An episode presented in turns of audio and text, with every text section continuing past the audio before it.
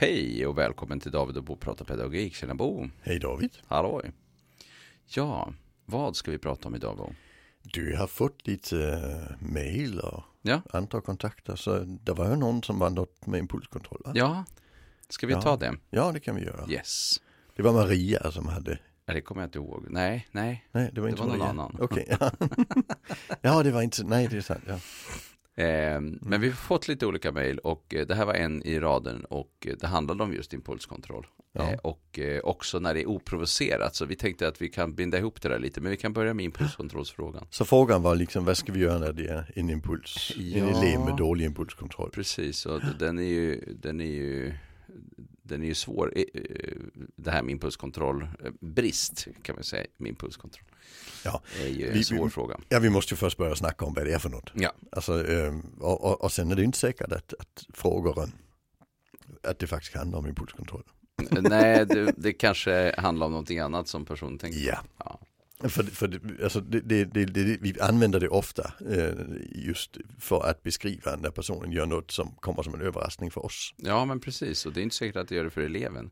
Nej, det är inte säkert det är impulskontrollproblem. Ja. Alltså, och sen är det två typer av impulskontrollproblem. Och här, här är det, vi, vi går lite utanför den forskning som finns. För jag har inte hittat studier som har tittat på detta. Nej, då är det någonting som du har observerat. Ja, det är något jag har Ja. observerat. Och det har jag gjort i de utredningar vi har gjort genom åren. Jag startade ju 2001 tillsammans med Leif, psykologkompaniet, och vi har gjort jättemånga utredningar.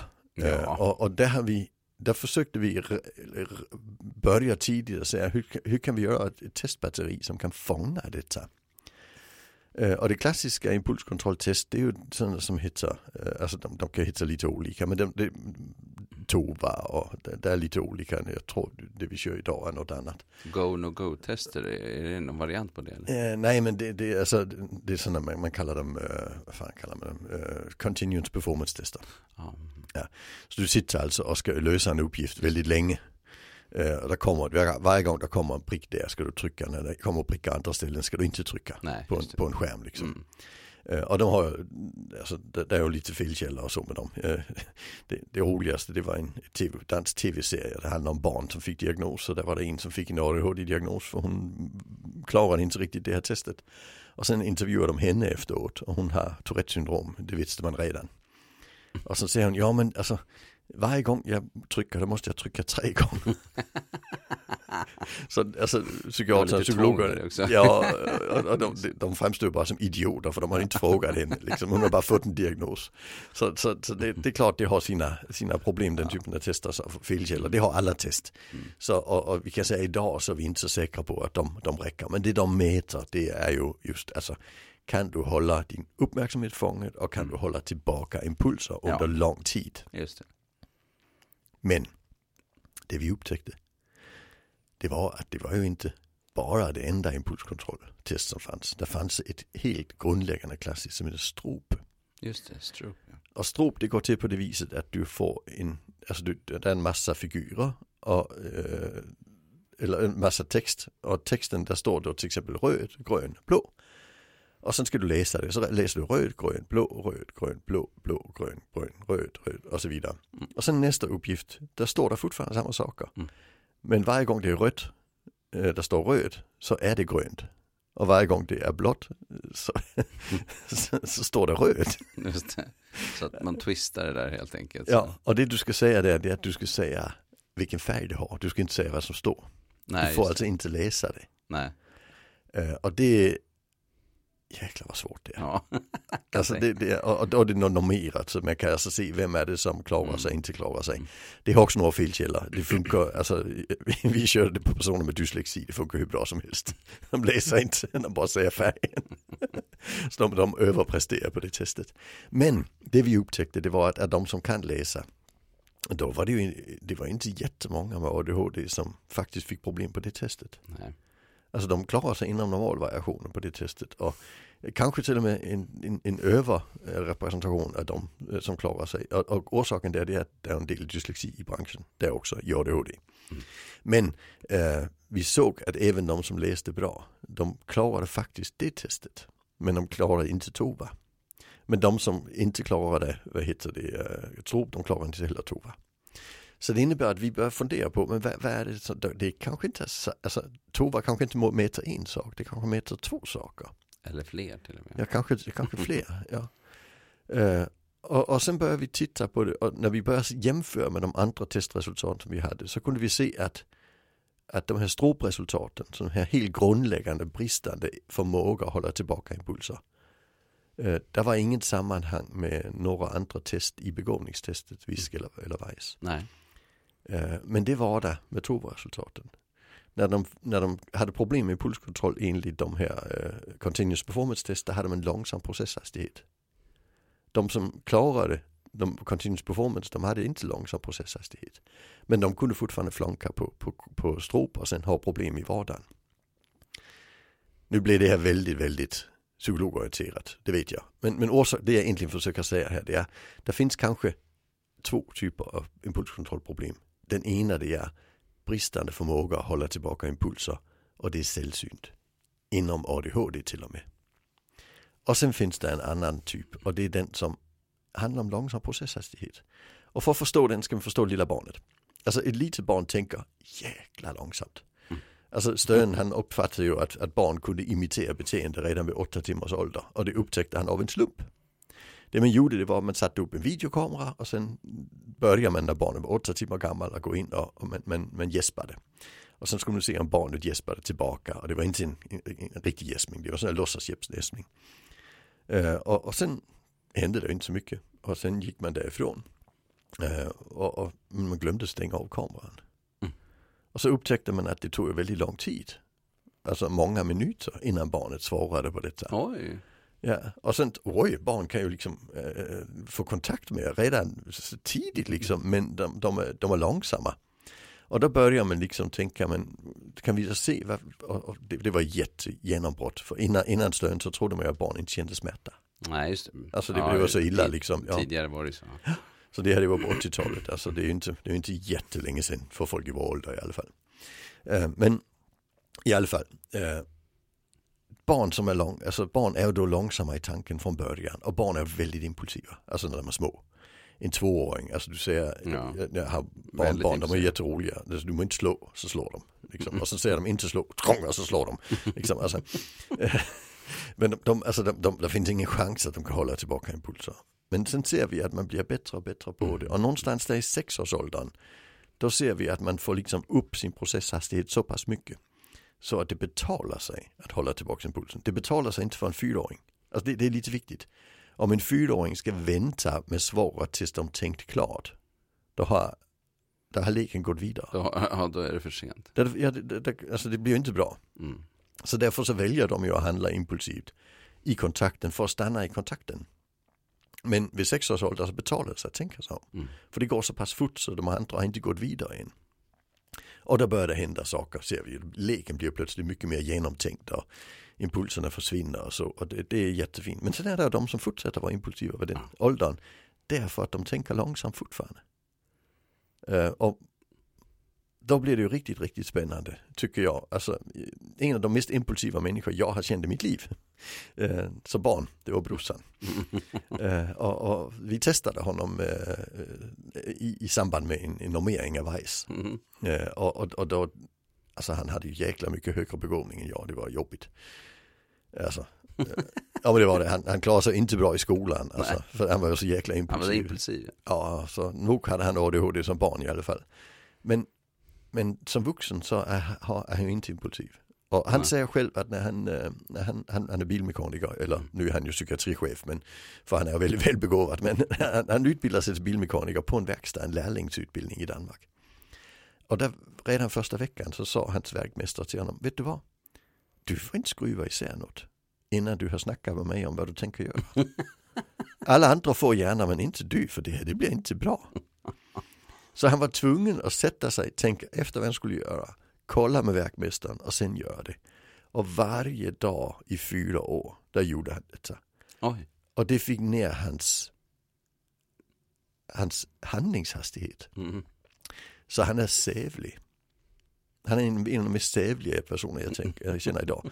Och sen har han ju lyckats väldigt, väldigt bra så han är psykiatrichef. Och på vägen upp i sin chefskarriär, eh, han har varit chef i kriminalomsorgen och allt möjligt annat också Då fick han en sån där chefscoach som sa du ska vara lite snabbare du vet. Han sa nej det ska jag inte. Det har jag varit med om. Det blir inget bra. Eh, Men, men det har fått mig att tänka lite att en del av det vi kallar impulsivitet eller Och impulskontroll långsam processhastighet. långsam processhastighet Mm. där man inte upptä- upptäckt att det betalar sig att vara långsam. Nej, just det. Att, eh, För rent socialt betalar det sig inte. Alltså brorsan, mm, mm. han är ju en jättebra chef för han är ju eftertänksam. Han är ju inte den som tar ett snabbt beslut. Alltså, och han, jag vet att folk tycker han är en jättebra chef. Alltså jag har träffat hans, eh, folk som har jobbat under honom och säger han, är, han tänker alltid till, han kommer med något välövervägt och så vidare. Men det funkar som chef. Alltså det funkar sämre i andra delar av livet att vara så pass långsam. Alltså i sociala situationer är han inte den som snackar mycket. För det har ju gått vidare. Alltså det, det, han är lite tillbakalutad sådär. Och det var han ju inte som barn. Så jag tänker ju Så du att, tänker att det, här, det kan finnas eh, föremål för ny typ av forskning inom impulsivitetsområdet? inte minst för det att det vi ser det är att eh, de med långsam processhastighet där funkar eh, ADHD-medicinen. Mm. Men det gör det faktiskt inte på de som inte har det. Mm. Det vi ser i vår, det är bara kliniska erfarenheter jag har. Mm. Men vi kan se att de vi har haft där det varit problem att medicinen inte riktigt funkar. Det är ju de här som flunkar på stråp. Alltså det testet som, som inte hade med hastigheten att göra men som hade grundläggande impulskontrollsvårigheter. De, det hjälpte inte med medicin. Mm. Men det gjorde det oftare med de andra liksom. Mm.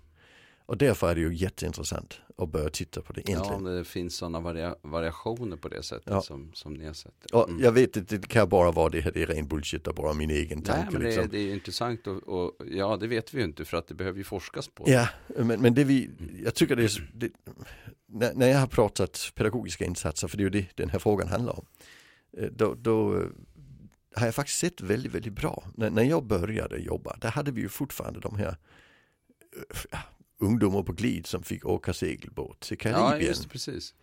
Och det var så jäkla effektivt. Mm.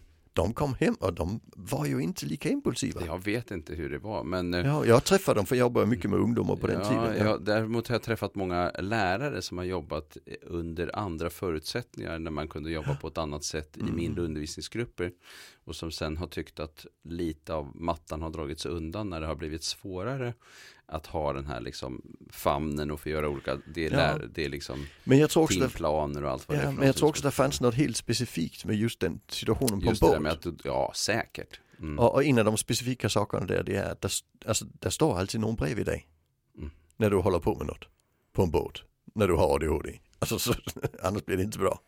Och den personen säger alltid stopp, tänk, vad ska vi göra? Mm. Alltså, och, och det att hela tiden tvinga stoppa, tänka, gör att du får in vanan att stoppa, tänka. Och det, den, alltså det kan vi inte göra lika bra som vi kan göra på en båt. Alltså för det, det är ingen som kommer acceptera det i andra sammanhang. Men står du på båten mitt på Atlanten, då kommer han acceptera.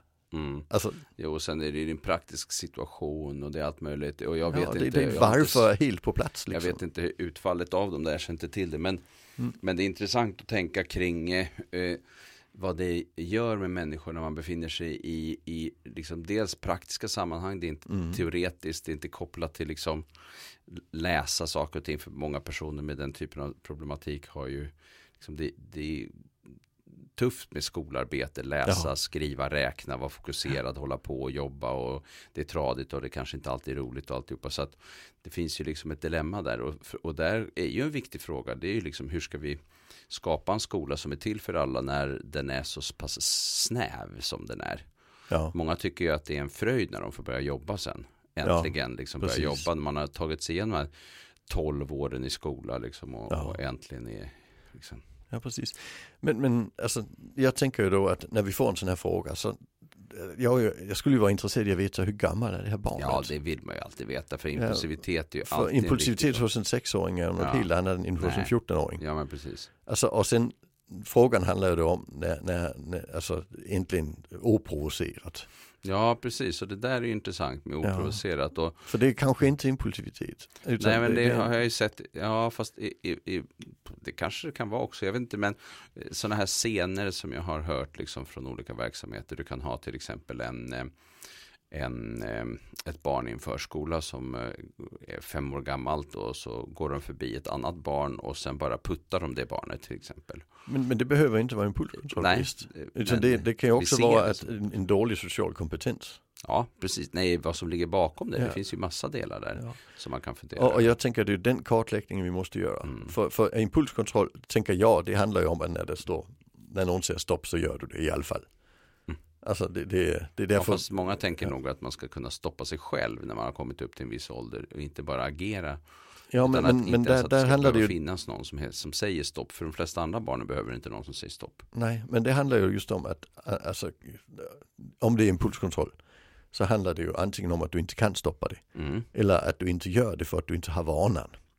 Ja, tänker jag utifrån det här, de här två sätten liksom, Jag tänker också på just som du pratar om med, med eh, bearbetningsprocesshastighet. Det, det, det är någonting här där man, eh, om man skulle fråga de vuxna runt omkring, tror du att det här barnet eller den här eleven eller personen eh, är, är bra på att tänka långsiktigt och, och det här med konsekvenser på lång sikt. Då svarar ju alla nej på det. Ja precis, men, men alltså, det, det är ju därför jag säger det är kanske alternativa. Ja, det är ju uh, intressant om processhastighet finns med som en faktor där. Ja, men, men för det kan ju också vara att han, alltså, han kan tänka orsak och verkan på kort sikt. Så när han putsar till någon, då har de en social kontakt. Eller hon Bo. Ja, eller hon. Ja. men får inte tänkt att på sikt är det en dålig handling. Eh, nej, alltså, och då är det ju inte impulskontroll, då är det ju bristande konsekvensberäkning, alltså central koherens. Ja, just det. Och, och sen kan det vara det att, att, att dålig social kontakt, så all social kontakt är bättre än ingen social kontakt. Ja, så kan det också vara. Så ja. att de sätt man har att, eh, att eh, alltså möta andra på är helt enkelt ganska ineffektiva rakt ja. igenom. Och, och, det innebär ju att plötsligt så blir den här frågan jättekomplex. Mm. Så, så Alltså hur ska vi jobba när någon oprovocerat puttar ett annat barn? Ja, mm. vi först måste vi ta reda på. Är det impulskontrollproblem? Är det bristande orsak-verkansförståelse? Är det en social, ett socialt initiativ som är missriktat? Och en del skulle nog säga att det kanske är allihopa. Ja, men jag tror ändå vi kan börja i en ända mm. och säga men vilken kan vi då titta på först? Alltså är det, är det så att det är, alla kontakter är bra kontakter, då kan vi börja skapa bra kontakter hur gör vi för att få bra samspel mellan dem? Så, för ju fler bra situationer, ju färre blir det ju. Men, men där kanske vi måste ta de sociala initiativen för barnets barnets kvalitet på de sociala ja, initiativen är tydligen lite dålig. Ja. Eh, så, så, vi måste ju börja skapa sociala relationer, mm. alltså situationer som faktiskt funkar för det barnet. Och det är ju ingen dålig utgångspunkt även för de andra. Mm. Alltså, så det skulle jag säga, så där ska vi ju alltid börja.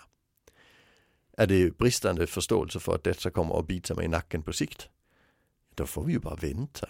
Alltså det, det går inte att träna. Alltså central koherens går inte att träna. Utan vi Nej, får det handlar ju om sammanhangsförståelse och Ja, och så där, där väntar vi ju ut en, en utveckling om det är ett litet barn. Om det är ett större barn så skapar vi ju en, en, en tryggare sammanhang och ett tydliggörande sätt att jobba som gör att det blir lättare för eh, barnet att navigera. Alltså det, det, är ju, det är ju det, för, för sammanhangsförståelsen behöver ju veta hur ska vi göra istället för hur, ska, hur bör jag göra. Det är två helt olika saker. Så, så att vi liksom börjar tänka framtid. Där har vi ju gjort ett poddavsnitt om just mm, tydliggörande mm. kring det. Uh, så, så jag, och, och, är det en grundläggande impulskontrollbrist, ja men det handlar ju om att vi är nära hela tiden och det är det egentligen också när det är den här uh, alltså Långsam, långsamhet. Ja. Det handlar ju om att Nej, vi hela alltså, tiden of, där Ofta handlar det om att eh, vuxna som har förmåga att skapa goda relationer. För du har ju också vuxna som ibland får i uppgift att vara vakt.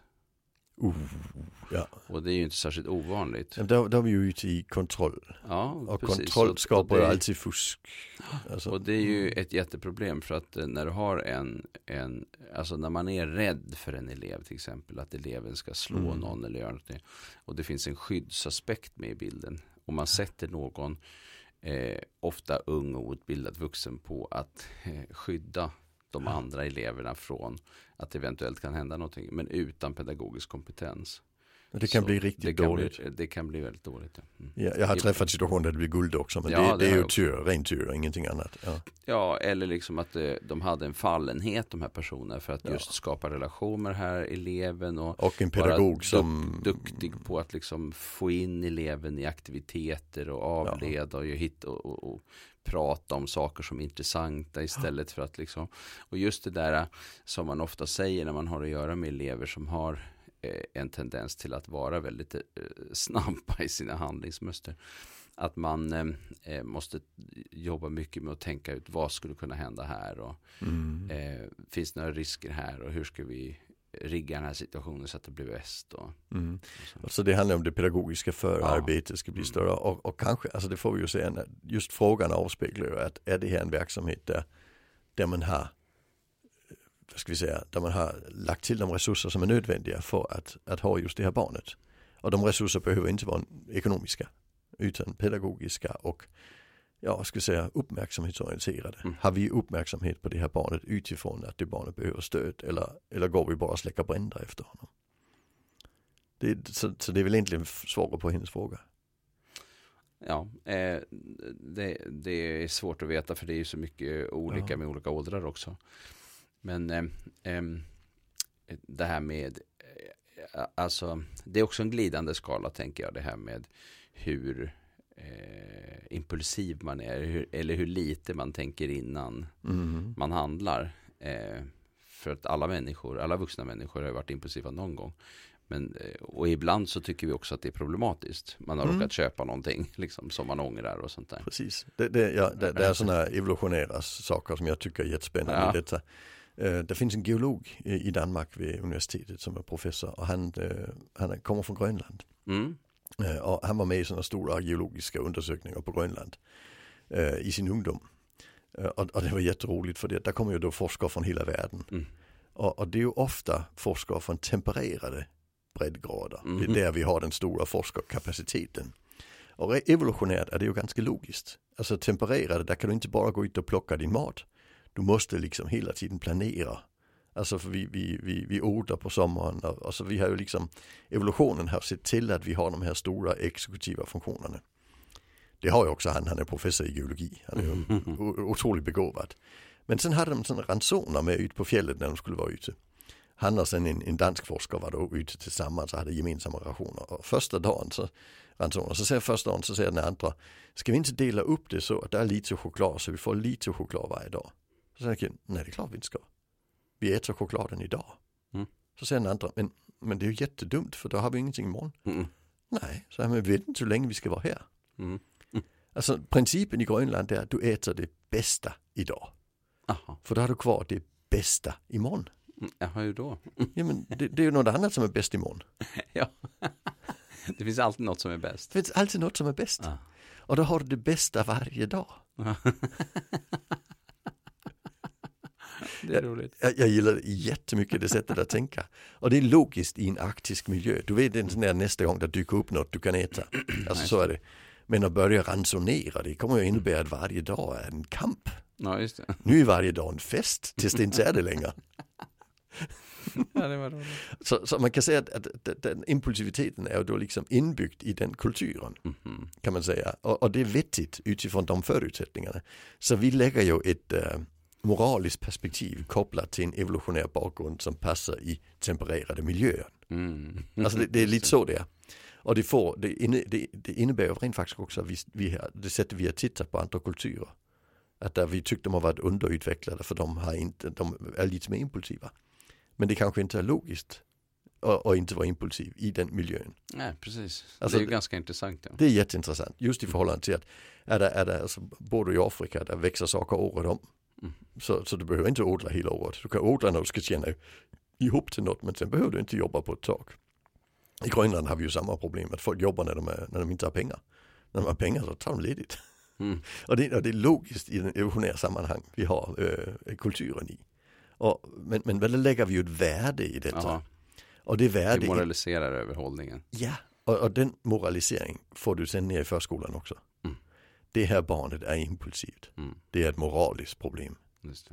Och det blir då problematiskt. Alltså, Men i verkligheten är det kanske mest logiskt för det barnet för kanske han tänker så långsamt så att det funkar bäst att vara impulsiv. Och käka upp sin marshmallow snabbt som fan. Så att ingen Ja. annan. Men man vet ju inte om Man vet- man får nej. den andra. och, och det, där, där har ju varit ganska mycket kritik kring det här med, eh, vad heter det, marshmallow-testet. ja, precis. Jo, men det finns en del kritik kring det. Ja, där har kommit mer och mer kritik. Mm. Att det, verkar- det, de har visat, marshmallow-testet ska vi kanske säga, det funkar på det viset att man får Vi en har ett program om det också. Ja. ja. Eh, Men, men det var innan, där kommer väldigt mycket forskning sen vi Sen dess. Ja, för det man gjorde, att man ger, ställer, lägger fram en marshmallow och säger du får äta den nu eller du får vänta två minuter. Och Just väntar du två minuter då får du en till. Mm. Och då trodde Nej, man, sa inte två minuter. ja, okej, Vänta tills man kommer tillbaka och det var jättelänge. Det kunde vara 20 minuter. okej, Det var ja 20 precis. Och då får du, ja precis. Eh, Och, det, och de första studierna var gjorda så att det visade sig att den som väntade, eh, det var de det gick bra för i Hade livet. lättare för i livet. Ja. Men det här forskning visar så är det inte. När, Mm. när man tittar på över lång tid så, så, så faller den effekten bort. Så, men däremot så är det ett tydligt exempel på att det är forskning som passar in i vårt sätt att tänka kring den kloka människan. Mm. Och därför passade det in i vår kultur. Mm. Men i verkligheten är det inte säkert att det funkar. För vi utsätts ju i så massor med olika sammanhang där det kan vara bra att vara impulsiv. Ja, och det är en väldigt eh, avskalad eh, frågeställning. Men sen eh, finns det ju annan forskning som också tyder på att just kraftiga problem med impulsivitet högre upp i åldern Mm. är förenat med rätt mycket risk för framtiden. Ja. Eh, Bland, men, och det är ju de starka kopplingar med ADHD och, och missbruk och Kriminalitet, allt vad kriminalitet och allt Ja, möjligt. precis. Eh, Spänningssökande och, Ja. och olyckor också. Köra snabbt på motorcykel och allt möjligt sånt där. Ja, Jag har en, en som jag känner som, eh, eller tidigare kände som, som sa väldigt tydligt att, att han sålde motorcykeln för att han visste att han skulle dö. Mm. Om han inte sålde den. För att han kunde inte hålla sig helt enkelt. Mm. Och det är också intressant det där att, att man liksom kör på ett sätt som, alltså det går inte att hålla sig från att köra på ett visst sätt så att man måste liksom ta bort det. det Ja, alltså br- brorsan hade också det problemet. Ja. Eh, förr i tiden så han, han köpte en sån där Den sävlige mannen. Ja, han köpte en motorcykel som var producerad i Tjeckien för den gick inte så fort. Eh, och det var bra. Eh, och, och förr i tiden så brukade han och jag byta bil ungefär lika ofta men han gjorde det alltid för att den inte fanns längre. Men, men med åldern har han också lugnat ner sig. Ja, där. Eller, eller kanske fått bättre bilar, jag vet inte. Han krockar inte så mycket mer. Jag har aldrig krockat i mitt liv. Men det gjorde han, så det var tredje år så var det en ny bil. Liksom. Oj. Mm. Ja, eh, så, så, men men det, frågan är om det är impulsiviteten eller det korrelerar eh, med spänningssökandet. det här är ju spännande för, för Vakenhets, eh, alltså för han Mm. sa ju att eh, om, om inte jag kör fort så kan jag inte koncentrera mig på att köra. Nej, nej. nej. Så det var en sån vakenhetsgrej. Ja, just det. Jo, men vakenhetsfrågan är också inkopplad på AD, i ADHD-perspektivet. Det finns ju också Ja, med som en faktor. Mm. Ja. Och kanske också kopplat till med, med processhastigheten. Det, Ja, just det. så det, det är ju Det är spännande. mång, mång, Men, men, men jag tänker också, det finns ju också en risk att vi på grund av det moraliska perspektivet vi lägger på exekutiva funktioner och impulskontroll så kan ju det vara så att den som har dålig impulskontroll får ett sämre stöd, får ett sämre bemötande lättare hamnar i situationer där risken för kriminalitet ökar. Det är inte säkert det är impulsiviteten i Nej, sig som är vi- riskfaktorn utan hur samhället hanterar hur personer. hanterar det. Så Ja. kan det vara. Och det där är lite intressant för att eh, jag menar, det är ju ganska naturligt att om du har att göra med ett, ett barn som är impulsivt så får det barnet mycket tillsägelse. Mm. Och det vet vi ju från forskning också att det blir oerhört mycket fler tillsägelser för barn med ADHD-diagnos än barn som inte har ADHD-diagnoser. Alla Ja. barn får tillsägelse men Ja. de får jävligt mycket mer. Ja, och, och, och de som får jäkligt mycket mer går det betydligt sämre för. Ja, eh, Även, för även om händer- de inte har orsak Nej men precis, för det händer ju någonting när man hela tiden får negativ feedback på det där Mm. sättet.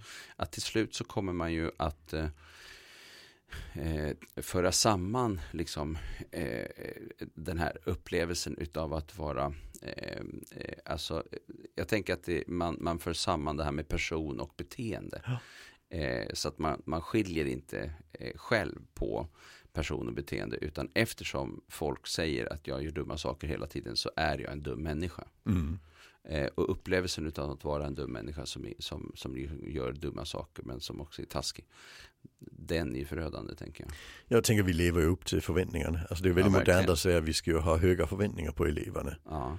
Eh, för, för då presterar de bättre. Alltså det är Men- inte bara modernt, det är också så att det finns Ja. forskning som visar det. Men jag tycker att det är Men- intressant att men- man inte diskuterar då frågan vad är skillnaden mellan höga förväntningar och för höga. Ja det är en sak. Men det, det är även det att alltså, när vi har negativa förväntningar på folk så lever de också upp till dem. Ja, just det. Och, och det får vi ju till de här eleverna. Ja, men det är ju, är ju en sån här skolforskning som visar att vi måste Mm. ha höga förväntningar för att annars så rör vi oss inte framåt lika snabbt. Nej. Men, men, men, men, men, men frågan är om vi har det på de här eleverna. Vi säger att vi har höga förväntningar, men det har vi ju bara på Lisa som sitter längst fram i klassen. Eh, på Lasse är vår förväntning att det kommer gå illa för honom. Ja, det och, finns ju och, risk. och då kommer han att leva upp till den också. Mm. Jo, nej precis. Och, och det är kanske också det som vi ser med, om vi nu tar just Lasse och Lisa som du pratade om. Så, Det är inte alla som har Lasse, som inte Nej, Lasse som har ADHD. bara att eh, ja. då kan vi se också att det finns ju könsrelaterade skillnader när det gäller betyg eh, i Ja. skolan som inte är kopplade till begåvning eller någonting annat utan, utan eh, som är kopplade till helt andra eh, ja. frågor som handlar om hur man förhåller sig till, Ja, ja. till och engagerar och allt möjligt. Och det finns förväntningsskillnader Förväntnings- ja. skillnader som, som ju är, en- den skillnaden är alltid negativ. Oberoende vem det är som får höga förväntningar. Det, det, det får vi väl så, ändå att det, säga. det, Mm. eh, så det är ju också intressant att det kan ju vara så att det sätt vi hanterar impulsivitet på eftersom vi moraliserar över det beteendet väldigt mycket eftersom självkontroll är väldigt högt stående i vår, i vår kultur i väldigt stor del av människor. Kulturen Mm. är, ju- är ju impulsivitet. Det. Ehm, så, eh, och det här att vara liksom genomtänkt och överlagd och, Mm. och, och så. Eh, så kanske det är helt enkelt vårt sätt som påverkar på lång sikt mer än själva beteendet i sig. Det är möjligt. Ja, precis. Eh, Och sen kanske också hur vi förhåller oss till det då. För att när vi moraliserar över ett beteende, till exempel impulsivitet, då blir det att vi kommer in i efterskott och, och, och säger nej, gör inte sådär, stopp, sluta, nej, hallå. Mm. Eh, och, och eh, använder oss av skuld och skambeläggande och hot allt vad det kan vara. Ehm, men eh, eh, så att det här är också intressant med vad vi använder för strategier. Hur mycket är vi så att säga förutseende och hur kan vi då jobba med, med person, personen eh, och Mm. rigga situationer för att Ja. minska risken för att det ska hända. Vi, vi kan ta ett exempel. I trafiken, då, de flesta trafikregler handlar om hur du ska göra. Mm, Alltså när det är grönt ska du köra. När det är rött ska du stanna. mm, Eh, du svänger vänster så här. Mm, Alltså, det, det, och de är vi ganska bra på. mm. Men sen har vi ju några trafikregler. Alltså det står ju det står stopp på skylten. Eller stop står det efter dem. Stopp. ja.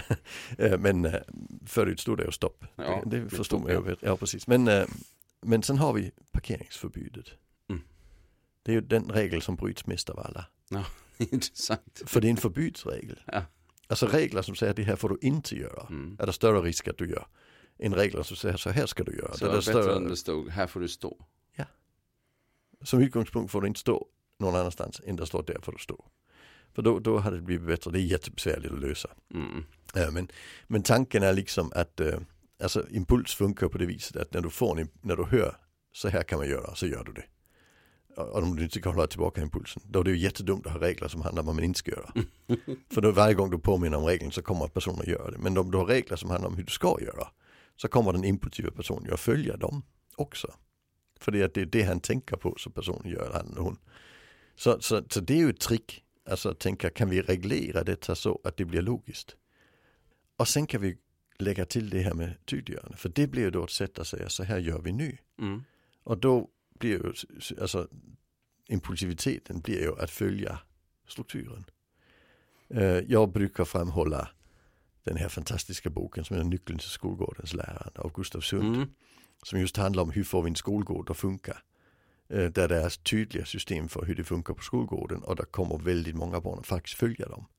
Där är, alltså, och, och Gustav han är ju fantastisk för han är väldigt praktiskt. Så, så han är en klok människa, det är jag helt övertygad om. Men jag är inte säker på att han alltid förstår varför hans system funkar. Vi är ändå psykologer så vi tittar ut och säger aha, det var därför. Ja, eh, men jag tror att väldigt stor del av det, det handlar om att han säger, men en, en hinderbana, den följer barn. Mm. För den impulsen är att följa hinderbanan. Mm. Alltså därför bygger vi såklart en hinderbana istället för en fotbollsplan. Mm. För fotbollsplan, det, det, det, det blir inte bra all, alla gånger. Framförallt inte om det är för många barn, så det är för få bollar per barn liksom. Mm. För då blir impulsen att, att gå efter bollen allihopa samtidigt och, och då blir det jättedumt. Så, så, så, så den boken kan jag rekommendera just för tri tricks till hur vi kan faktiskt få det att funka i vardagen med den här typen av barn. Det är jätteintressant det där med, med att skapa situationer som eh, blir självguidande i en bemärkelse. Ja. Alltså att de, de det, gör, det gör att man liksom följer, i, följer med i det hela. Ja. Eh, och jag tänker att det är intressant. Jag hörde om några som jobbade med eh, samarbetsövningar istället för mycket tävlingar och annat. Alltså att man verkligen satsade på samarbetsövningar. Och de fick ner konflikterna väldigt mycket. Ja. Jag tänker att det är lite intressant för att hela vårt samhälle är så uppstyrt i, i det här med liksom tävling och sådana saker. Mm. Eh, och, eh, ehm, eh, och när man samarbetar, i, beroende lite på vilka omständigheter det är också, så är man så beroende av varandra. Jag tänker på, eh, eh, ja, det kan vara vad som helst, men man ska lösa en uppgift liksom, tillsammans. Mm. Um, och att uh, det händer någonting där uh, för, för personerna. Um, um, och som jag uppfattar det som, som, som minskade konflikten. Och då tänker jag på att vi har också alltså massa impulser som handlar om att någon gör något och så säger man en kommentar. man slänger ur sig en kommentar. Alltså när det är, om det är stökigt i ett klassrum till exempel så är det väldigt mycket impulsivitet. Mm. Kan man ju säga. Alltså, ja. Många kommentarer, det flyger kommentarer hit och dit. Ah, fan vad roligt. Du, och, någon, och någon spelar ah, clown och all. Alltså, det, det, det är ett flöde av impulser på något sätt mm. i ett mm. sånt läge. Um, och, och, uh, i, i, och vissa har en väldig förmåga att snabbt få uh, alla att liksom komma till ett läge där man uh, blir liksom, nu, samarbetsorienterad i, i relation till undervisningen. Liksom. Ja, precis. Ja. Eh, och det där tänker jag också är lite intressant vad, vad vi eh, gynnar i olika sammanhang. Jag tänker mm. eh, som du beskrev skolgården men, men också andra sam, som lektionstid så, så ja. kan vi också hitta former ja. för det där. Alltså Michael Tomasello, han är professor i, i, i evolutionsteori men han är mm. utvecklingspsykolog. Han säger att människan är det samarbetande djuret. Ja, just det, precis. Ja, och, och, och, det är liksom det som kännetecknar oss som människor.